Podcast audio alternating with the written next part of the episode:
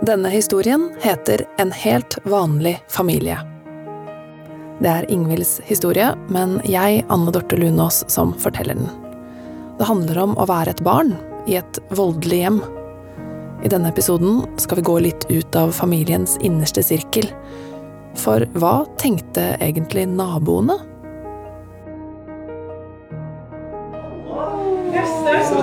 Ja, det var fint, altså. Ja. Her hører du at Ingvild møter igjen naboene sine fra oppveksten. Det er årevis siden de har sett hverandre eller snakket sammen. Ok, ja. Sitt og skikkelig. Hele oppveksten hadde familien Pettersen de samme naboene. Familien Skau. Husene var til forveksling like også, det var sånne hus som var moderne på 90-tallet. Litt uortodoks planløsning og mange vinduer i ulike fasonger. De to husene lå på enden av en blindvei. Etter det var det bare skog og skiløyper. Ok, ja. Sitt og skikkelig. Du er, jeg holdt på å si så stor du har blitt. ja, ikke sant? Ja, ja, det Ok. Ja. En ung, voksen dame. Mm. Ikke svært hår lenger. Nei, jeg droppa det. altså. Ingvild har arrangert dette møtet fordi hun lurer på hva folk rundt familien hennes fikk med seg. Var det noen som skjønte at det ble sparka, slått og krangla hele barndommen hennes? Stein og Gunn har ikke fått vite på forhånd hva Ingvild ønsker å snakke med dem om. Eh, ja, hva tenkte dere egentlig om vår familie? Altså, hvordan, hvordan fremstår vi for dere? Ja, ja, altså, vi syns jo at dere var um, veldig forskjellige fra oss. Ja. Um, og så Det var jo ikke så lytt at vi kunne høre det dere sa inne, og sånn, men det er jo eh, litt tett mellom husene der som vi bodde. Og du vet, om somrene så er du jo ute i hagene, og dører og vinduer står på lufting. og Så vi hørte jo mye det, gjorde vi. Og, og det som jeg husker, var jo at hun mor di hun var jo jævlig sur. Mm. Rett og slett bare framsto som sinte, sure. Faren din han sa jo nesten aldri noen ting. Um, og hun kjefta på han, og hun kjefta på broren, og det var en sånn en Altså Generelt så var det en sånn en tone, en hard tone, hjemme hos dere. Det er det jeg husker mest. Jeg hørte jo alltid da faren din sov, da. Ja. Ja, fordi han, han lagde mye lyd. Den mannen han sov. Mm. Men eh, nei, selv var han en stille kar ellers. Du Du gjorde et ganske sånn ålreit inntrykk. Jo, jeg syns jo eh, moren og faren din var hyggelige folk.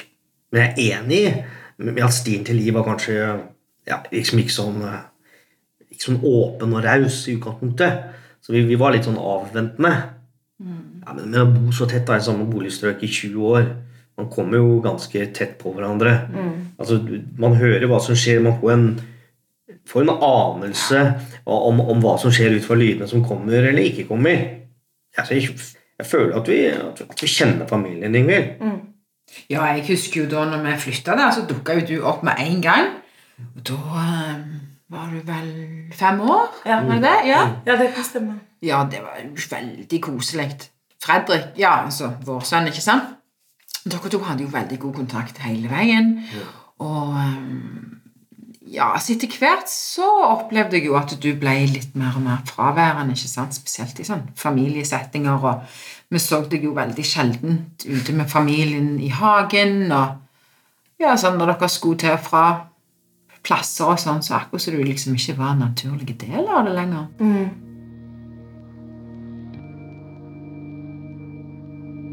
Og vet du hva? Jeg tror faktisk aldri jeg har vært inne hos dere. Nei. Nei, jeg har ikke det, sant? Nei, nei, det, det Nei. har du ikke, tror jeg. Og det er jo litt spesielt. Altså, Det sier jo noe om skillet. Altså, vi har jo vært inne og drukket kaffe med alle naboene etter hvert. Mm, mm. Du gjør, det er jo sånn som du bare gjør. Og, og du vet, i sånne nabolag Det var jo en annen tone. Det var hjerteligere, ikke sant? Og da ble det jo en avstand til dere. Ja. Mm. Og bortsett fra det så var alle like. Veldig like, på en måte. Det var kjernefamilier, to inntekter, unger. God råd. Mm. Det var normen i det området. Og så var det jo eksempler på folk som skilte seg, og da måtte de flytte. Og da hadde de ikke råd til å bo der, for det var jo en, en slags økonomisk øvre middelklasse, kan vi si det, av de som bodde der oppe. Ja. Men, men det var jo litt høye hekker. Det som foregikk bak hekkene, det var Det var ikke, var ikke lett å komme inn på. Og, og sånn var det litt da mellom, mellom dere og oss også. Jeg husker at jeg snakka med deg en del, og jeg fulgte nok på med deg, altså. Særlig kanskje i periode hvor du ble litt svart, og du, du, du, du trakk deg litt unna. Ja. en det- altså, det tok jo mange år før vi skjønte noe mer enn at du ble mørk og svartkledd en periode. Altså, moren og faren de sa jo aldri noen ting om at dere, eller at du hadde problemer. At dere hadde mm, rett og slett oppsøkt helsevesenet. helsevesenet. Men um, jeg lurer på om dere kan huske å ha sett eh, Altså sett eller hørt noe noen gang som dere syns har virket rart? Altså, Vi reflekterte litt, det husker jeg. Faren din hadde en periode hvor han var veldig opptatt med å, med å lage mat. Ja. Det, lukta i hele nabolaget. Og jeg husker eh, spesielt de der ja, de oksehalegreiene. Han kokte dem i flere dager. Ja. Og Jeg mener at jeg, jeg har jo sans for å lage mat, men jeg synes Det der var kanskje litt eh, Det, det, det ble kanskje litt voldsomt. Altså, det, det var vrient, for vi skjønte jo at du hadde jeg, jeg, Det var noe med deg og mat, da. Vi må forlate naboene og Ingvild litt her, og gå inn i det som prega årene på ungdomsskolen for Ingvild, nemlig anoreksi. Jeg tror de greiene der liksom kom sånn snikende litt på, egentlig. Men det er én spesifikk ting jeg husker som jeg vet um, Eller har påvirka meg i den retningen, da. En kveld, mens hun fortsatt går på ungdomsskolen, setter Ingvild seg ned foran TV-skjermen. Hun skal se på det mye omtalte programmet Extreme Makeover. Et program der deltakerne får eh, plastisk kirurgi og diverse andre kosmetiske behandlinger for å bli penere. This is Extreme Makeover. Between them, Franny, Jenny, and Katie can fix just about anything, except their looks. Ingvild er en sårbar TV-titter der hun sitter. Hun er først ute med puberteten i klassen, hun har fått former og føler seg stor og annerledes. Dessuten så er det noe annet som ligger under alt dette og gnager. Noe mørkt. Hun føler seg verdiløs. Ingen bryr seg. Verken hjemme eller på skolen, tenker hun. Stadig oftere.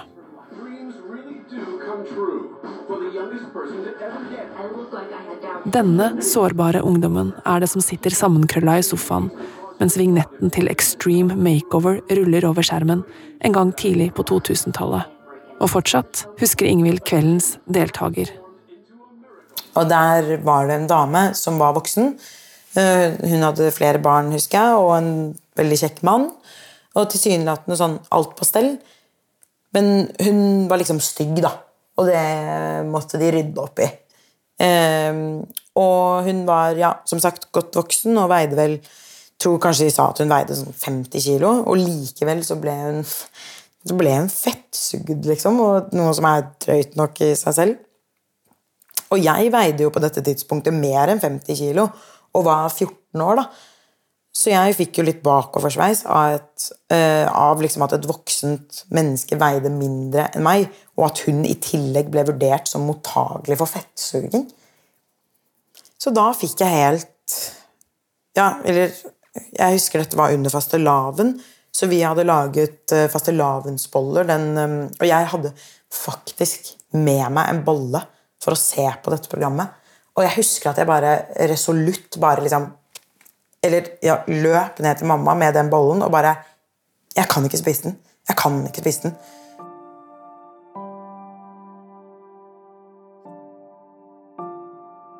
Spiseforstyrrelser er ofte en flukt. En flukt fra de egentlige problemene dine. Ensomhet kan det være. Mangelen på tilhørighet, kjærlighet. Det er de verste følelsene et menneske kan ha. Og når et ungt menneske får dem, så vet man kanskje ikke hva man skal gjøre. Og der noen velger å drikke vekk problemene sine, spille vekk problemene sine, ruse seg, så velger andre å sulte seg. eller prøve å endre på kroppen sin. Ingvild prøvde å kontrollere kroppen sin. Hun forsvant helt inn i det. Jeg hadde ganske korte bein, for eksempel, så jeg husker at jeg ble helt obsessed med leggene mine av en eller annen grunn. At jeg ville ha tynne legger, da. Jeg brukte veldig mye tid på å studere leggene mine fra siden i speilet. Det var liksom primært det som jeg ville fikse, da. Jeg følte liksom åh, endelig noe jeg klarer. Dette er jeg god til. Jeg får ikke til så mye annet i livet, men akkurat dette, det nailer jeg. Og det er det ingen som vet. Hun kutter maten. Mer og mer, og vekten raser jo. Og i starten er det en rus. Men etter hvert så blir det bare vondt. Jeg husker at jeg hadde med meg en termos med te på skolen som jeg prøvde å drikke for å fylle opp magen og ikke kjenne at jeg var så sulten. Ikke det at jeg hadde noen nevneverdig effekt, da. men jeg fikk i hvert fall noe å drikke som var varmt. og Den teen har jeg for øvrig aldri noen gang drukket igjen. Og hvilken te er det? Det er for red fruits. Nå blir jeg bare kvalm når jeg lukter den, faktisk. For den teen drakk jeg så mye at jeg til slutt ble ble uvel av synet av pakka.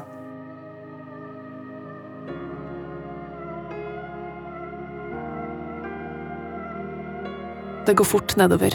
Kroppen til Ingvild skriker om oppmerksomhet, men hun fortsetter å nekte den mat. På påskeferie med familien så får hun et utslett på brystet. Så jeg fikk eh, underveis da i påsken et sånt utbrudd av utslett på brystet. Eh, Og etter at jeg kom hjem fra den ferien, så sa liksom læreren min at nå, nå må du gå til helsesøster, eh, for nå ser jeg det. At du har blitt enda verre etter påsken nå. Men moren og faren din hadde ikke kommentert verken utslett eller at du hadde blitt veldig tynn? Nei. Nei, ikke i det hele tatt. Altså, jeg tror mamma kommenterte det én gang, liksom. Faren min har jo aldri engasjert seg i livet mitt, så han merka, merka det vel ikke. Det er ikke så veldig overraskende. Men så begynte jo læreren min å ringe til mamma, og da var jo katta ut av sekken på et vis. En lærer tar affære. Sender Ingvild til helsesøster. Hos helsesøster kommer legen. Han lytter på det tynne, ildrøde, utslettbefengte brystet. Hjerterytmen er ikke bra. Legen og helsesøstera sender Ingvild videre. Eh, og da kom jeg til Ullevål, og så var det en hjertelege som, som lytta der, og så fikk jeg ultralyd, og så var det sånn innleggelse på dagen, liksom. Jeg hadde en, en bilyd på, på hjertet som man Det er sånn eh, man kan få når man er gravid, f.eks., men ikke vanlig at 14 år gamle jenter får, da. Så det er ganske tydelig signal på at hjertet begynner å slite. Jeg husker at alle var sånn eh, Hvordan føler du deg? Og hvordan føler du deg hele tiden? Fordi de forventa liksom, Fordi de var sånn Du er veldig, veldig syk, og du har det ikke bra. Du er kjempesyk, liksom. Det er farlig. Og, og i tillegg fikk jeg ikke lov til å gå. Jeg måtte ligge stille. Eh, Hvis jeg skulle flytte meg rundt, så måtte jeg bruke rullestol. Fordi de var så redd for hjertet mitt, da.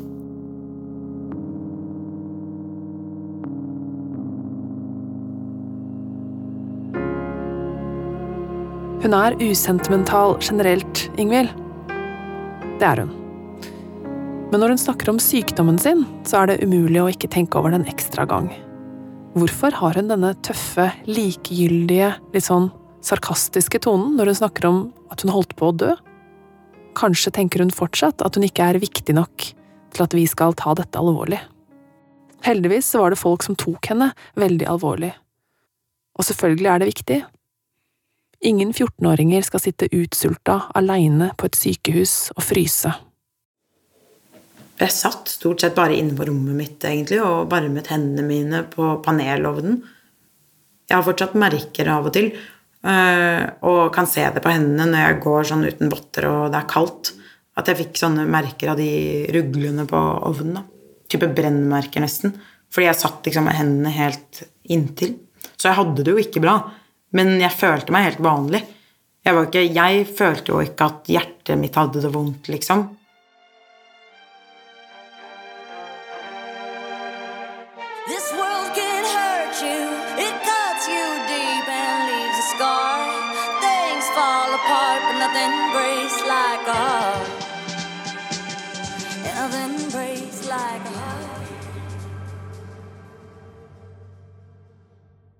Anoreksien ble heldigvis tatt tak i på en ordentlig måte, og i løpet av eh, kort tid så er Ingvild på bedringens vei. Hun ble etter hvert helt frisk også, takket være en rask reaksjon fra helsevesenet, innleggelse, at det ble tatt på alvor. Foreldrene prøvde også å støtte, noen ganger på konstruktive måter, som å sitte ned ved bordet og spise sammen med henne, mens andre ganger ble de sinte og desperate. Alle drømmene dine vil gå i vasken, sa moren. Hvis du ikke slutter med det her tullet, du ender opp som en psycho-case. Og faren ville en gang ha henne til å forklare for lillebror Øystein hvorfor hun lå på sykehus. Senere har hun skjønt at han var full på dette tidspunktet. Han pressa henne opp i et hjørne, den tynne lille spurven som hun var, og så sa han spottskatt, ja, nå må du fortelle. Og sa sånn Nå syns jeg du skal fortelle broren din hvorfor du er her. Eh, og, og Øystein gikk i barnehagen fortsatt, liksom. Og pappa ville at jeg skulle forklare ham hvorfor jeg var innlagt på en sånn måte som at jeg hadde gjort noe galt, da. Og jeg husker at jeg bare følte meg skikkelig pressa. Det var dødsubehagelig. Ja. Han var rar og ekkel, da. Så jeg låste meg inn på, på badet. Eh, Jeg var generelt mye på badet i den perioden.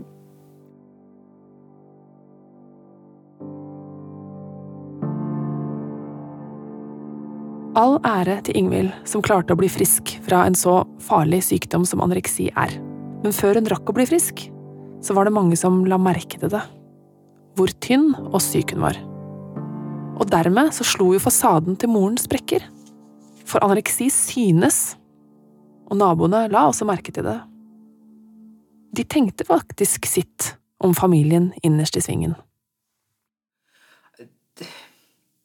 Foreldrene dine sa jo aldri noe om det. Det var jo akkurat som det skulle være hemmelig. Mm. Jeg tror nok at mamma syntes det var ganske flaut at jeg var sjuk. Men eh, den sykdommen er jo Eller ja, ja den kan, kan jo komme til å bli ganske synlig etter hvert. Da, så eh, det spredde seg jo eh, som et rykte. Eh, altså etter at jeg ble lagt inn, liksom. Men eh, ja eh, For å si det sånn, det er ikke eh, det eneste som har blitt holdt hemmelig da, i vår familie. Nå er det på tide å komme til poenget. Det Ingvild egentlig ville snakke med disse naboene om.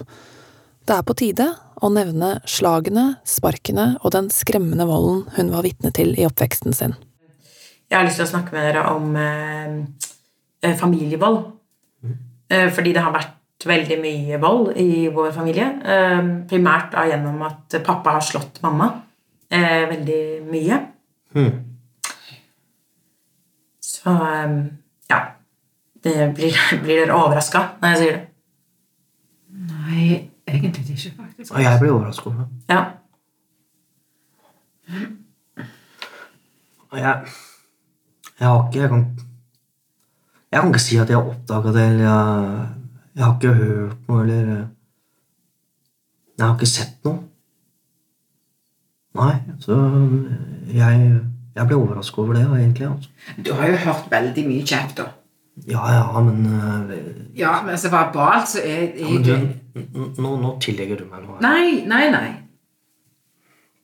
Altså, kjefting, det er noe annet. Men jeg har ikke hørt noe som, som har gjort at jeg landa på på den konklusjonen, da. Altså, jeg, jeg ble overrasket. Det må jeg si.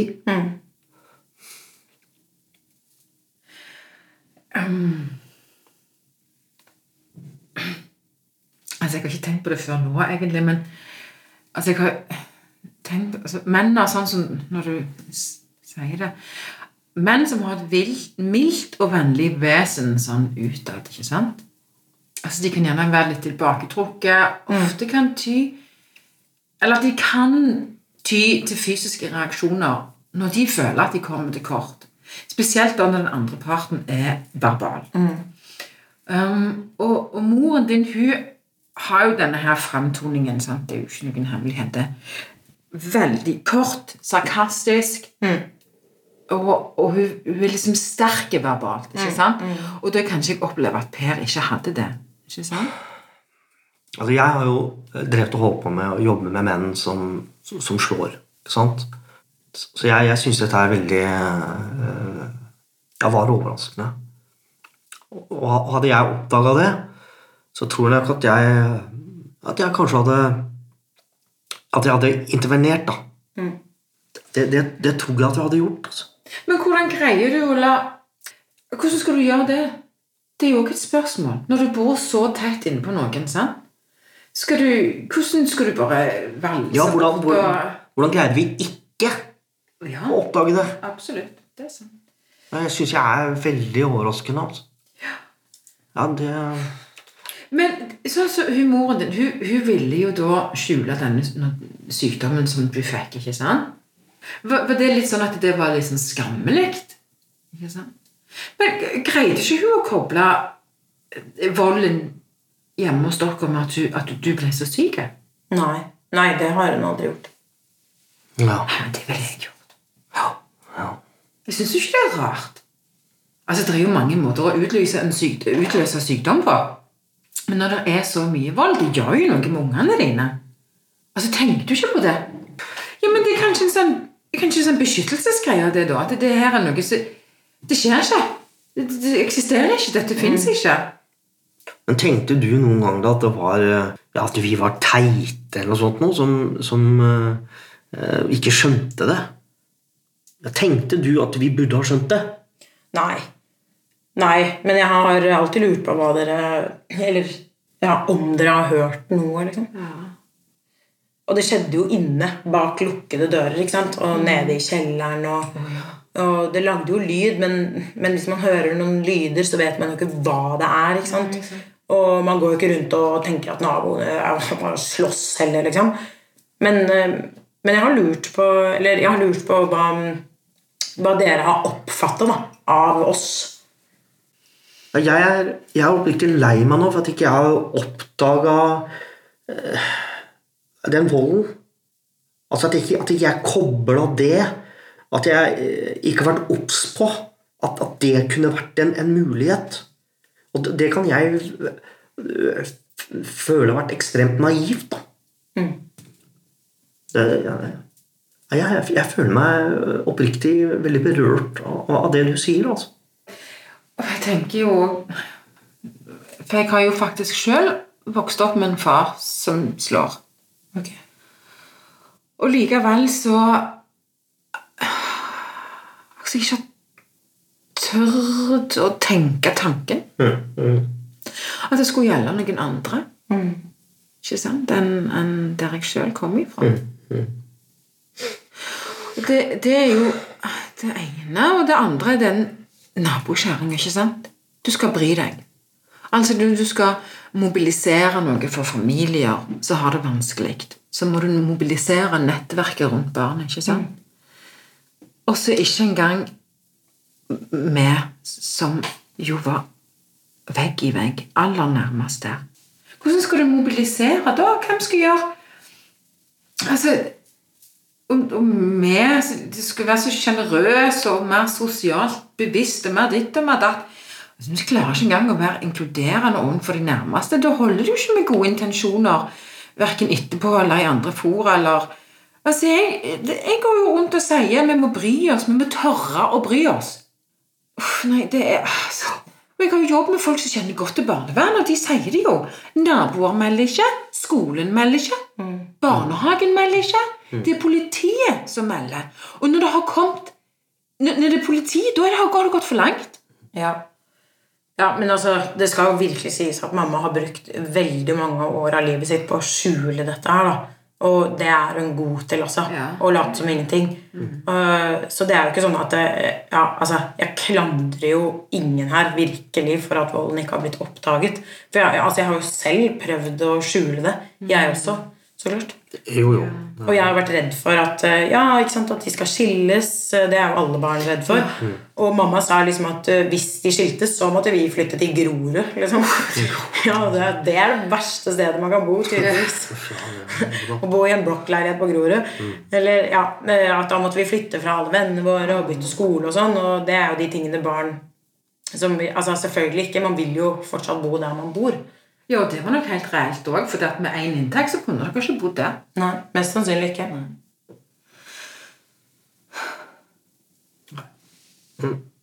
Men hva tror du Altså, hvis vi hadde Eller hvis jeg hadde konfrontert Per og sagt eh, ja, Slår du? Ja, jeg lurer på Jeg lurer på hvordan han ville reagert. Ja, Han hadde sikkert sagt nei. Ja.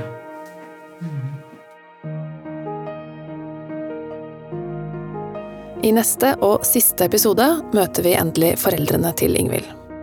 Det er på tide med noen svar. Hvorfor slo han? Hvorfor ble hun?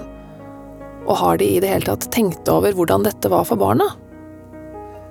Og ikke minst, klarer de den vanskelige øvelsen det tross alt er å si unnskyld? Denne episoden er laget av meg, Anne Dorte Lunås, og lyddesigner Elisabeth Monge. Skuespillere var Katrine Thorborg i rollen som Ingvild, Kristine Askeland i rollen som Gunn og Lars Reinert Olsen i rollen som Stein. I forrige episode møtte du Ida Ursin Holm og Caroline Bentsen som Ingvilds barndomsvenninner, og Erik Dines i rollen som Ingvilds bror. Episode tre blir tilgjengelig mandag 20. januar. Hei, jeg heter Line Alsaker og har laget en podkastserie om Norges største spionsak, om Arne Treholt. Spionen Treholt finner du i podkasten Hele historien i NRK Radio.